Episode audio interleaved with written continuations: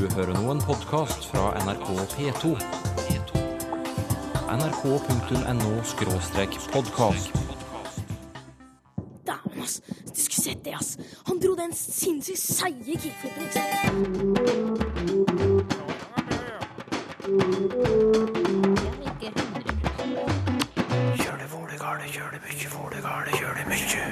Nice to see you all. Have a seat.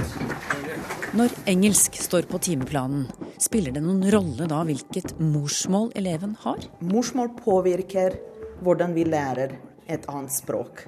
Da må læreren ha en mer bred kompetanse om språk, og ikke så spisset bare mot engelsk. Det kan ligge mye politikk i valget av bokstavtyper. Denne karen avskaffet gotisk skrift i Tyskland. Vi wollen ein Reich sehen! Han eh, så for seg at eh, tysk skulle bli verdensspråk, og han antok at ikke resten av verden ville gå over til gotisk skrift. da. Nei, men hvorfor så molefonken, Sylfes Lomheim? Det blir færre og færre sterke verb. Nei og nei, det var trist. Og angrepet på de sterke verba begynner alltid i partisippen. Sier du det? Det er det svakeste leddet i bøyingssystemet. Og dette får vi høre mer om senere, antar jeg? Å ja da. Bokstavene du bruker når du skriver, hva forteller de om deg? Kan bokstaver fortelle noe om en nasjon? I Tyrkia har Q, X og W vært forbudt inntil nylig. Disse bokstavene finnes ikke i tyrkisk, men i kurdisk. Dermed signaliserte forbudet at kurdere i Tyrkia ikke skulle bruke skriftspråket sitt. I høst opphevet imidlertid den tyrkiske regjeringen dette forbudet som en del av en reformpakke. Arne Torp, pensjonert språkprofessor, du interesserer deg for slike historier om skrifttegn og identitet. Og det er ikke første gang tyrkerne knytter bokstaver til politikk. Hva var det som skjedde i 1928? Det var rett og slett at den moderne tyrkiske staten oppsto. Mustafa Kemal Atatürk hadde ei veldig svær reformpakke. Der eh, det bl.a. gikk inn på, ut på å sekularisere det tyrkiske samfunnet, og da måtte de òg kvitte seg med det arabiske skrifta, for den er veldig nært knytta til islam. Eh, Og eh, Derfor så var det ikke bare praktiske årsaker som la bak denne reformen. Å gå over til latinsk skrift var òg en del av moderniseringa. Den historien fra Tyrkia som, vi nett, som du nettopp eh, fortalte, det var, det var valg av alfabet. Men også valg av bokstavtyper kan ha betydning for eh, identiteten. Og du for ordens skyld, hvordan skiller du mellom bokstavtyper og alfabet? Ja, I forskjellige alfabeter kan det jo være bokstavtegn for helt forskjellig lye. Og det kan være mange flere tegn eller færre tegn osv. Men når de snakker om typene, så er det bare fasongen på bokstavene. Og eh, i eh, vår, eh, vårt latinske alfabet så kan vi jo da snakke om det antiqua, som er den skrifta som vi bruker i dag, og det opprinnelige fasongen er jo på de latinske bokstavene. Antiqua betyr jo den gamle typen. Og det som særpreger de latinske antiqua-typene, det er runde former. Akkurat som de runde buene er typiske for den romanske arkitekturen. Ja. Men så på 1100-tallet så kom den såkalte gotiske arkitekturen med spisse buer i stedet for runde. Og dette smitta da over på bokstavutforminga. Og da var det mange bokstaver som fikk spisse kanter i stedet for de runde formene som de hadde hatt før. Og slik skrift med spisse kanter ble derfor kalt både gotisk skrift etter den gotiske stilen, men det er òg blitt kalt for fraktur. Hvorfor det? Ja, det latinske ordet for brudd er jo fraktur, da.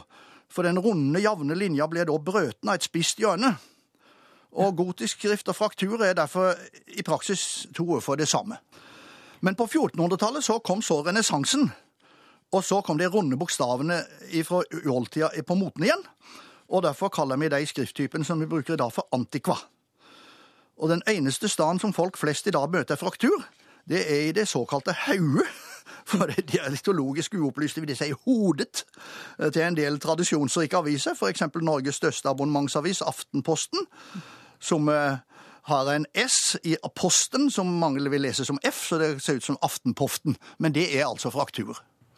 Adolf Hitler var opptatt av bokstavtyper. Han må vi nesten kunne si at han avskaffet gotisk skrift i, Tys i Tyskland. Hvorfor gjorde han det? Ja, si det. Jau, det hadde han alt sendt et signal om på rikspartidagen i 1934. Eh, vårt språk vil om 100 år være Europas språk. Nå siterer jeg Hitler på rikspartidagen. Landa i øst og nord og vest må derfor for å kunne kommunisere med oss lære seg vårt språk, altså tysk. Forutsetningen for dette er at den såkalte gotiske skrifta må erstattes med den skrifta som vi hittil har kalt latinsk, det vil altså si antikva. Det var i 1934, og det var et forvarsel. Eh, Og så i 1941, 3. januar, så sender Martin Bormann ut et rundskriv etter oppdraget fra føreren, og der står det blant annet slik. Å eh, kalle den eh, gotiske skrifta eh, for ei tysk skrift er grunnleggende feil. I virkeligheten består den gotis, såkalte gotiske skrifta av jødebokstaver fra Schwabach. Ja, hvordan, eh, hvordan Hvor har, har han, hadde han det fra, da? Altså, Bakgrunnen for denne påstanden var at jødene hadde, skulle ha dominert boktrykkerkunsten. Men det er jo tatt helt ut av lufta. De som hadde lov til å drive trykkerier på 1500-tallet, de måtte være kristne. Men eh, i og med at han sendte ut dette rundskrivet her, så kan vi si at Hitler var medvirkende til å ta livet av de gotiske bokstavtypene. For det var omtrent bare Tyskland som drev med gotisk skrift på den tida. Jeg tenker, Det er litt merkelig. Jeg kikket litt i Store norske leksikon eh, og søkte opp fraktur. Og Der står det at det ble erklært som germansk nasjonalskrift av nettopp nazistene. Og nærmest påbudt inntil det da ble avskaffet i 1941. Så litt sånn merkelig helomvending det her, da. Ja, det kan du godt si at det var, men det var jo nettopp det at han eh, så føre seg at eh, tysk skulle bli verdensspråk, og han antok at ikke resten av verden ville gå over til gotisk skrift. da. Men eh, det er jo artig med at de gotiske bokstavene, eller frakturen, det var jo det som dominerte på både Norge og Danmark fram til ja, slutten av 1800-tallet, kan vi si. Og i den norske målstriden på 1800-tallet eh, så sto jo Ivar Aasen og Knut Knutsen på hver sin fløy i arbeidet for norsk skriftspråk, da. Men eh, det er kanskje ikke så godt kjent at de sto òg hver på hver side når det gjaldt å se på de forskjellige bokstavtypene. Ja, Hva gikk det ut på? Jau, Aasen ville holde på frakturen, for han ville bruke det som folk var vant til, mens Knutsen var modernist, og han ville ha antikva. Og i et brev fra 1859 så sier Aasen det sånn. I det rent udvortes ved tingen, nemlig i skriften, tror jeg nettopp at man må og bør holde seg til det som folk nu er vante til. Således holder jeg fast ved frakturskriften eller de tyske bokstaver, trots alt hva enkelte have anført mot dem, og likeledes ved de store bokstaver i substantivene. Men hvordan argumenterte Knut Knutson for de, de moderne bokstavtypene, da? Nei, det var det som var moderne på den tida, det. Eh, Aasen hadde selvfølgelig rett i at fraktur var det folk flest var vant med og identifiserte seg med midt på 1800-tallet. Og det er jo symptomatisk at norskamerikanerne, når de møtte engelsken og kom til Amerika, eh, så kom de til å identifisere norsk, ikke bare med norskdansken, men også med frakturen. Eh, norsk med antikva, det så de nærmest på som engelsk. Eh, Den eh, norsk-amerikanske avisa Decoraposten, den kom faktisk ut på 1800-talls dansk, og med fraktur, langt opp på 1950-tallet. Og da i hele avisa, og ikke bare i navnet, sånn som i Aftenposten i dag. Ja. Men du, denne, denne mm, bokstavkrangelen, hvis vi kan kalle den det, da, mellom Ivar Aasen og Knut Knutson, det, det handlet jo ikke bare om kulturell identitet når de argumenterte, for Aasen mente at det også var et helsespørsmål. Hva, hva, hva i all verden lå i det? Ja, det er litt morsomt. Han mente at frakturen var bedre enn antikva for synet. Og han viser jo ikke til noen medisinsk dokumentasjon av det, men han hadde jo lesemø, og han hadde sikkert lesemø i kleint lys òg, så nå må det vel være i det. Og nå kommer det. Jeg skulle dog mene at vårt folk har god grunn til at lære fornøyet med at det en gang er blevet vant til frakturskriften, til den har da iallfall en viss viktig fordel framfor den latinske skrift, nemlig denne, at den er mindre ensformig og derfor bedre for øynene. Det er da vel mange som har merket at man ved svakt lys eller på en mørk dag holder lenger ut med at lese frakturskrift enn den latinske skrift. Skreiv Ivar Aasen med gotisk håndskrift som bare eksperter greier å lese i dag. Det fortalte Arne Torp, pensjonert språkprofessor ved Universitetet i Oslo. I hele år har NRK invitert folk til å nominere og stemme fram det beste dialektordet i Norge. Og tidligere denne uken ble det klart at smøyestol er Norges mest populære dialektord. Du, det syns jeg var veldig morsomt. Og jeg er egentlig veldig stolt av at et ord fra stangedialekta faktisk vant hele den nasjonale konkurransen. Jeg syns det var fryktelig artig. Det sier Åsa Gjestvang fra Stange i Hedmark. Det var hun som foreslo ordet smøyestol. Det er et veldig fint ord som klinger veldig godt. Og så er det et ord som, eh, som besteforeldrene mine brukte mye, men som jeg merker at eh, er litt i ferd med å gå ut til den breie dialekta, i hvert fall mi. Men så prøver jeg å holde det i hevd. Så det var egentlig for å få litt fokus rundt et ord som jeg, jeg syns er veldig fint. Smøyestol fikk nærmere 2000 stemmer. Men uh, hva er det? Ordet betyr hempe eller hempene i bukselinningen, de du trer beltet gjennom. Og selv om Åsa Gjestvang har hentet smøyestol fra stangedialekten, brukes det flere andre steder i landet også. Nice to see you all. Have a seat. Today we are actually going to perform or, or try the exercise that you've been asking for, the speed dating. Det står engelsk på planen denne skoletimen.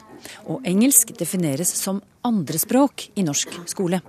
Norsk er morsmål eller førstespråk, engelsk er andrespråket. Okay. What's the next letter now, do you think?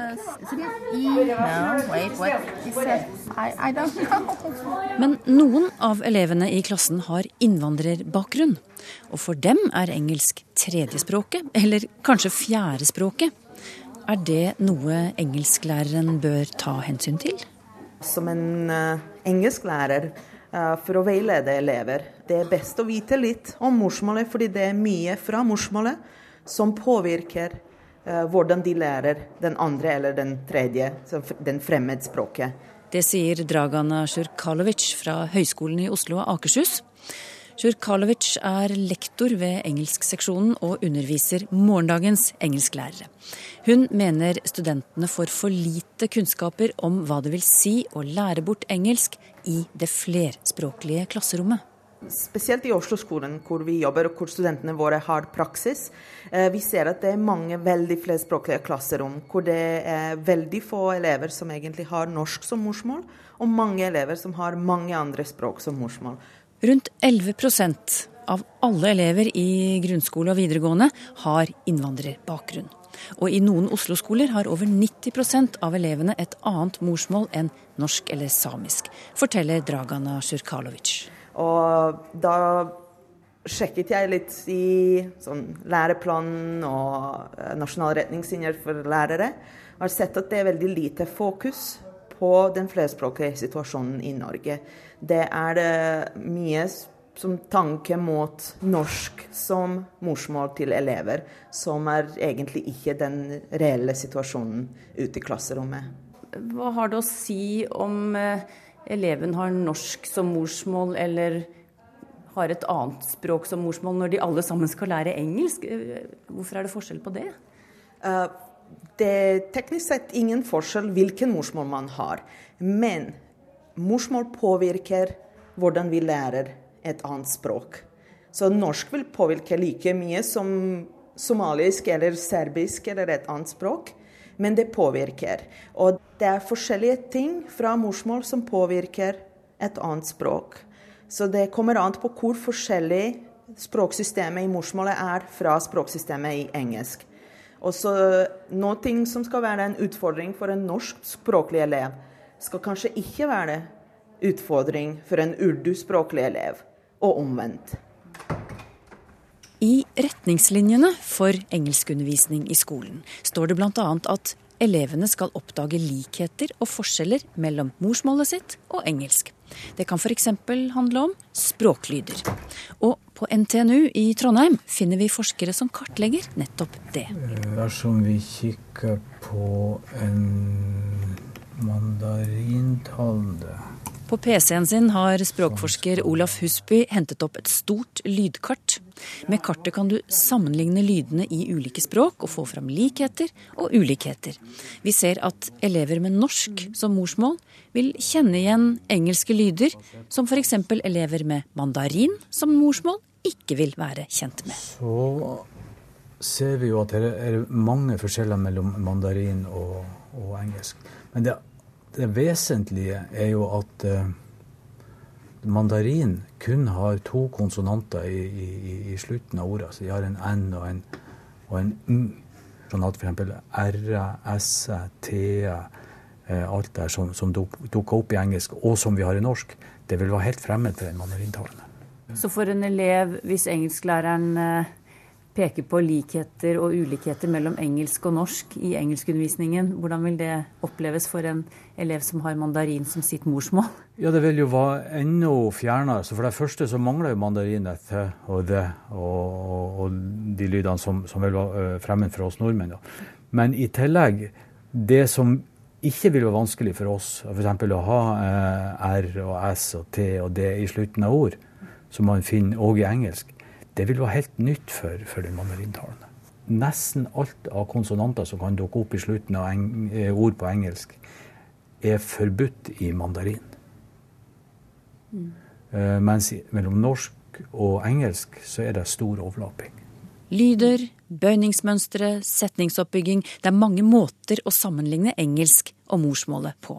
Men at morsmålet kan være noe annet enn norsk, det legges det altså ikke vekt på i utdannelsen av engelsklærere, forteller Dragana Sjurkalovic. De læringsmål eller læringsutbyttene som studenter har i nasjonale retningslinjer, har veldig lite fokus på forskjellige morsmål i læringsmålene for studenter som skal bli engelsklærere, står det bl.a. at de skal ha kunnskap om likheter og forskjeller mellom engelsk og norsk. Videre at Studenten skal ha kunnskap om barns språklæring i et andrespråksperspektiv. Med andre ord norsk er morsmålet, og engelsk er andrespråket. Det er et uheldig perspektiv, mener språkforsker Olaf Husby ved NTNU. Altså, en, en enkel og gammel pedagogisk eh, råd er jo å gå fra det kjente til det ukjente. Og hvis man her som lærer ikke vet hva som er det kjente, og hva elevene kan, så, så, starter man i utgangspunktet med noe, noe, som er ukjent, og så skal man lede videre på noe annet som er enda mer ukjent. Og det må være, det må være vanskelig. Altså, så I utgangspunktet så burde jo lærere kjenne til trekk ved elevene sine morsmål når de skal undervise dem i i språk, nye språk, altså, utenom norsk. Nå har vi jo etter hvert veldig mange forskjellige språk i, i Norge da, med, gjennom innvandring. Er det mulig at lærerne skal kunne kjenne til alle disse språkene? Nei, ikke alle språkene, men her er jo noen underliggende systemer som vi ser er felles for språk. Så hvis man har en idé om hvor forskjellene kan ligge, f.eks. at en må kikke på litt andre ting enn det rene lydinventaret, og se hvordan lydene er er spredd i ord osv. Så, videre. så har du sett på ti språk, så har du i prinsippet sett på veldig mange. Og for at en lærer skal veilede den elev, da må læreren ha en mer bred kompetanse om språk, og ikke så spisset bare mot engelsk. Så at de kan tilpasses den enkelte eleven og den enkelte morsmålet den eleven har. Engelsklærere trenger å kunne mer om språk enn de gjør i dag. Det mente Dragana Sjurkalovic fra Høgskolen i Oslo og Akershus. Sosiale medier, e-post og sneglepost. Det er mange måter å nå lytterspalten vår på, Sylfest Lomheim. Eh, på Twitter spør Gry Haugen. Hvordan brukes ordene utdanning og utdannelse? Når bruker man det ene, og når bruker man det andre? Må man velge å være konsekvent? Ja, det vil jeg si. Utdanning og utdannelse er begge likestilte ord i bokmål. Og det betyr at den som skriver bokmål, kan velge. Og det gjør seg dårlig å eh, ha fire forekomst av utdanning og så en to-tre forekomster av utdannelse Det er dette i samme artikkel. Så det er likestilt. Men jeg bør jo si det at det er slettes ikke alltid at eh, bokmålsord på Ing og på Else er, er like i bruk at du kan velge enten det ene eller det andre og være konsekvente. For av og til så fins begge orda, men med ulik mening. Og da kan jeg ta et ord som alle vil kjenne, og si ja, sjølsagt. Vekking kan du bestille når du er på hotell, til dømes. Vekkelse kan du kanskje bestille, men iallfall, det er noe helt annet. Det er noe som skjer inne i et menneske og i religiøse sammenhenger. Da er det vekkelse. Og det er, det er en regel, bortimot, i norsk bokmål at eh, eh det kan være to ord på else eller på ing, og at det ene ordet har ei spesialtyding i forhold til ordet på ing, som er mer allment og generelt. Men så har vi da den andre kategorien der det ikke er skilnad, der du kan velge ing eller else, utdanning og utdannelse. Og der bør jeg òg opplyse om at det er else-varianten, utdannelse, som rett og slett er på vei ut ordspråket. Det er den eldre forma, det som blir oftere og oftere brukt i våre dager, som nok er den vanligste, er utdanning. Og det er jo da også likt på bokmål og nynorsk. Så går vi tilbake til 1800-tallet, så vil vi finne flere ord som enda på else. Da var det jo dansk skriftspråk i praksis. For eksempel så tror jeg Camilla Collett snakka om druknelse. Eh, det var på 1800-tallet. Det er jo ingen som ville finne på å snakke om druknelse nå. Så elseorda er egentlig på vei ut fordi det ikke blir laga nye ord på else. Leif eh, Gjerland viser til dansketiden og spør bl.a. om uttrykket å være dannet. Kan dette egentlig komme av å være danet, dvs. Si å oppføre seg som herskerklassen, spør han. Altså danene, danene, som ja. da var danske. Nei, det er det nok ikke, Leif Gjerland. Men eh, dannet, eller jeg vil si å være danna, er jo egentlig det samme som et annet verb vi har på norsk. Å forme noe er å danne noe. Slik at å være danna er å være forma, la oss si gjennom undervisning og opplæring. Da blir du forma, du får kunnskap. Og det er derfor vi snakker om utdanning. Da er du utdanna, ferdig forma. Det pussige er jo at det er bare en liten bokstav vi kan ta vekk, så får vi det motsatte. Altså udanna, da er du slettes ikke forma. Da mangler du danning. Asbjørn Øvrebø er en av flere som spør om verbet å fly skal ha sterk eller svak bøying på bokmål. Han skriver at han har ført en til nå fånyttes kamp mot partisippformen har flydd, og han mener at eh, det riktige, eller det korrekte, må være har fløyet. Men så ble han gjort oppmerksom på at flydd er eh, sideordnet med fløyet i eh, ordbøkene. Og da er spørsmålet fra Asbjørn Øvrebø. Er verbet å fly et sterkt eller et svakt verb? Det er to ting å si eh, til Asbjørn Øverbø. For det første den hyggelige meldinga om at det er rett det han har funnet ut. Han liker jo tydeligvis ikke partisippforma flydd. Han vil helst at det skal være fløyet. Og det gode evangeliet er jo at fløyet er heilt korrekt. Han kan skrive fløyet. Det er bare det at det er også korrekt å skrive flydd som partisipp. De to, flydd og fløyet, er likestilt i bokmål. Og det har de vært lenge, så dette var ikke noe diskusjonstema i de sju åra til dømes da jeg var i Språkrådet. Dette er dette er mykje eldre, bestemt. Og jeg kan jo òg legge til at eh, fløy, fløyet, er den eldre varianten i dette systemet, medan partisippen med flydd, det er nyare. Det ser vi rett og slett av at flydd eh, minner om eh, svak bøying, disse d-ane, medan fløyet er ei vidareføring av fløy. Og fly, fløy, fløyet tradisjonell sterk bøying. Så dette med fly, fløy, flydd, da er vi på vei til å få ei bøying som er meir blanda, der det er eh, et mønster som ligner på svak bøying i partisipp, og så har vi den sterke stadig vekk i, i fortid. Og det er mange verb som er slik, eh, litt blanda, og det er fordi at den lange trenden i verbbøyinga vår er at det blir færre og færre sterke verb.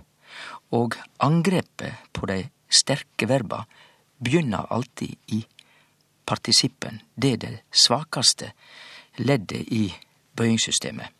Så det er helt typisk at eh, flydd nå er helt korrekt i dette sterke verbet, men fløy er eineform.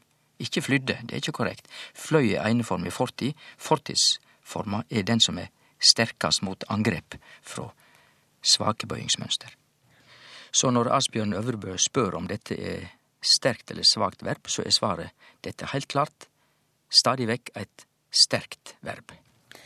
Ole Arntzen har merket seg ordet kritikalitet.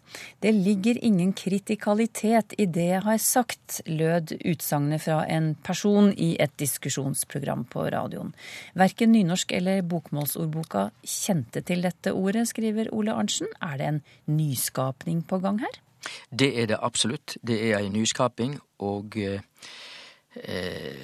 hvis kritikalitet spreier seg og blir tatt eh, allment i bruk, så kan det jo hende at det kommer inn i ordbøkene, for det er jo det som bestemmer om et ord kommer inn i ei ordbok.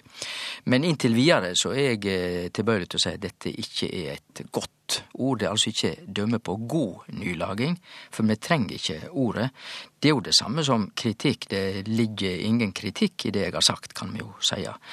Så kritikalitet dreier seg om å være kritisk, altså kritikk. Enkelt og greit. Bjørn Hermansen skriver under lunsjen på jobben uttalte en godt voksen kollega han gikk skoene av seg. Ingen av de fem-seks yngre kollegaene ved lunsjbordet kjente uttrykket, og til slutt sa en er det det samme som å ta seg vann over hodet, eller? Så da er mitt spørsmål, sier Bjørn Hermansen, hva er bakgrunnen for uttrykkene å gå skoene av seg og å ta seg vann over hodet? Ja, dette, I den lunsjen så har jeg vært flinke med og dyrka idiomatiske uttrykk, som da betydde faste uttrykk på norsk, for der kom det to faste uttrykk i slengen. Hvis du går skoa av deg, da går du så fort at du skoa blir stående igjen, altså du, du, du mister skoa. Så det er et uttrykk for at det går litt for fort. Altså litt for fort i svingene, kan vi si også. Og når det gjelder å ta seg eh, vann over hodet, så skjønner jo alle at da blir du blaut. Du får en skikkelig dusj. Jeg veit ikke om man skal tolke det så drastisk som at vi drukner, altså går ned i vannet. Men iallfall, da tar du på deg ei litt for stor oppgave. Så begge deler dreier seg om at det enten går litt for raskt, eller noe blir litt for stor oppgave å ta på seg. Har du spørsmål til Språkteigen, skriv til teigen krøllalfa nrk.no. Eller du kan skrive til Språkteigen, NRK P2, 7005 Trondheim. Du finner oss òg på Twitter og på Facebook. Hva er denne greia som mange snakker om? Hva er greia med at han skal være med? Hva er greia? Hva er greia med det? Ja, hva er greia med det, da? Du kan så si om greia i Språkteigen neste gang.